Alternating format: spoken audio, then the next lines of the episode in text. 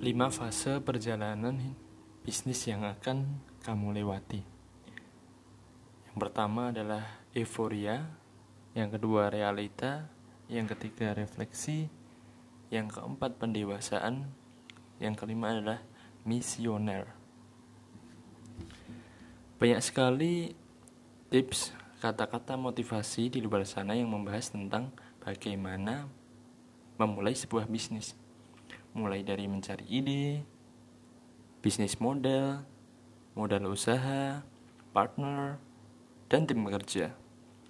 Tetapi sangat jarang ada yang membahas tentang apa yang akan terjadi dan dihadapi dalam perjalanan membangun bisnis.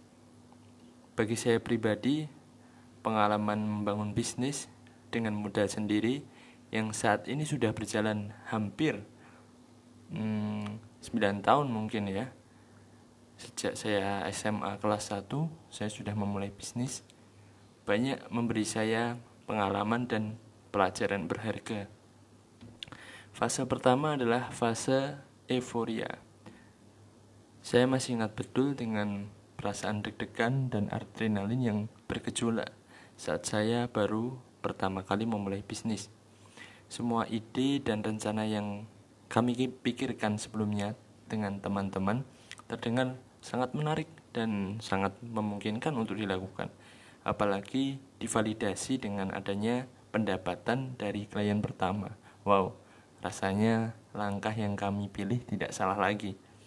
Pada fase euforia, sebenarnya sangat penting untuk membicarakan the why dalam bisnis.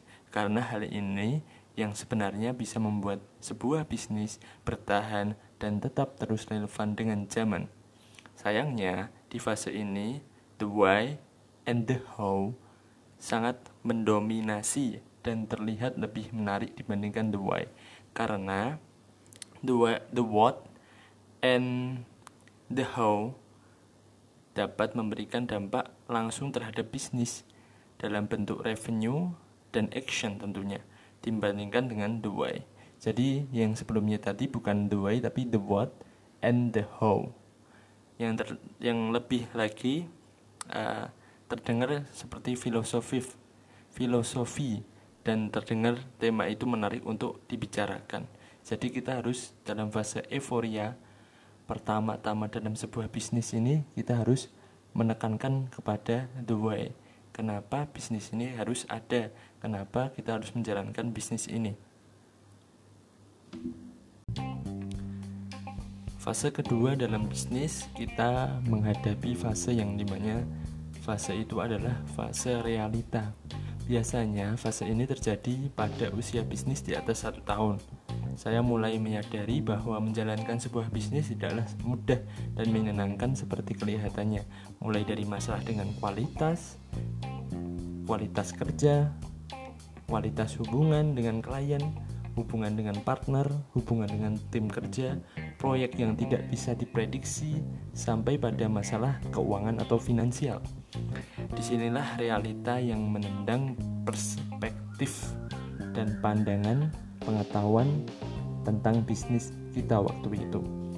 Cara pikir dan rencana yang harusnya kita berjalan dengan lancar pada prakteknya tidak bisa dilakukan dan masalah mulai bermunculan seperti gelembung udara di dalam air. Di situasi seperti ini, banyak dari kita yang mulai memikirkan masa lalu yang lebih nyaman, misalnya masa ketika masih bekerja di tempat lain, masa di mana kita tidak memikirkan sesuatu hal yang tidak perlu dipikirkan karena kita setiap bulannya sudah mendapatkan apa yang kita inginkan masa lalu yang kita kenal dan kita tahu betul cara mengatasinya sehingga tidak heran banyak bisnis baru yang berguguran di tahun pertama hingga tahun kedua bisnis dimulai.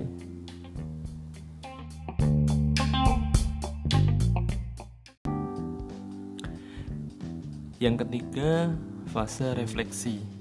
Saya sangat bersyukur bisa mencapai fase refleksi karena menurut saya pada fase inilah pemahaman saya diperbarui. Masalah yang ada tidak membuat saya menyerah, Masa, malah dengan masalah yang ada ini, saya bersyukur mengalami masalah tersebut dan membuat saya melihat sisi positif dari setiap masalah yang saya hadapi. Kata masalah sebenarnya uh, sudah mulai ganti terhadap diri saya menjadi sebuah tantangan. Walaupun terdengar klise ya uh, dan simpel, tapi sangat berdampak signifikan terhadap uh, diri saya pribadi. Yang namanya tantangan pasti bisa kita hadapi dan pasti ada jalan keluarnya. Allah tidak pernah membiarkan kita sendiri dan Allah pasti memberi kita kekuatan untuk menghadapi tantangan yang ada di hadapan kita. Fase refleksi ini saya mulai memikirkan tentang the why dalam bisnis, visi dan misi. Iya, visi dan misi perusahaan mulai ditulis dan disampaikan kepada seluruh anggota, seluruh tim seluruh eh, teman-teman uh, yang join dalam bisnis ini.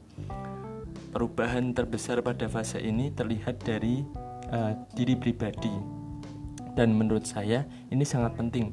Bagaimana seorang founder dapat menge mengembangkan sebuah bisnis, mencapai bisnis pada puncaknya dan orang-orang yang di dalamnya kalau ia sendiri tidak berkembang. Jadi seorang bisnismen itu dia harus uh, menentukan visi misi dan meningkatkan kualitas-kualitas dirinya agar bisa mencapai apa yang ingin dia capai tentunya bersama dengan timnya yang ada. Kalau dirinya sendiri tidak bisa maju bagaimana dengan tim yang akan dia bawa nanti?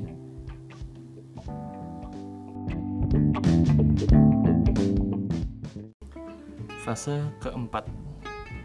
Fase keempat dalam sebuah bisnis yaitu fase pendewasaan. Dalam fase pendewasaan kita mulai banyak terlibat dengan manajerial seperti HR, nilai dan budaya perusahaan, etika, dan tentunya strategis. Strategi di sini yang dimaksud adalah seperti bisnis model, finance.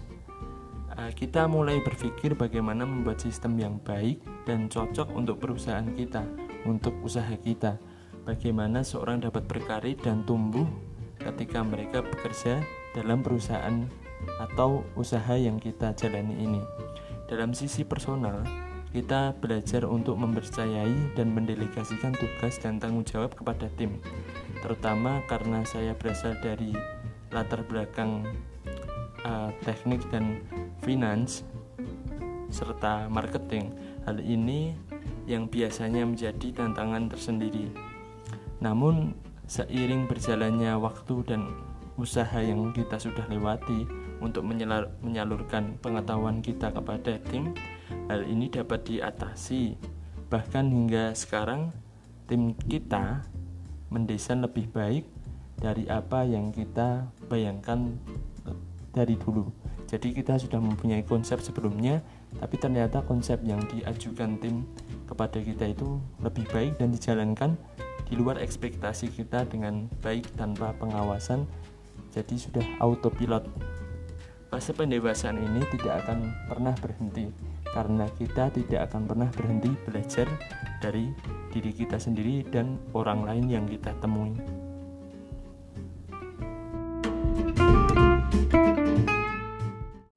Fase yang terakhir atau fase yang kelima yaitu fase misioner. Saat ini saya sedang berada di fase ini tersebut yaitu fase fase visioner.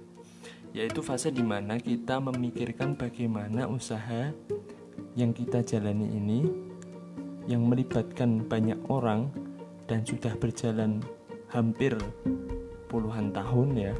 sepuluh kan ya puluhan.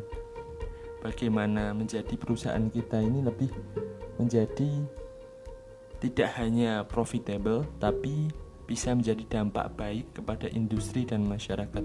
Jadi di era yang sekarang ini kita bicara tentang bagaimana bisnis kita itu bisa bermanfaat bagi masyarakat.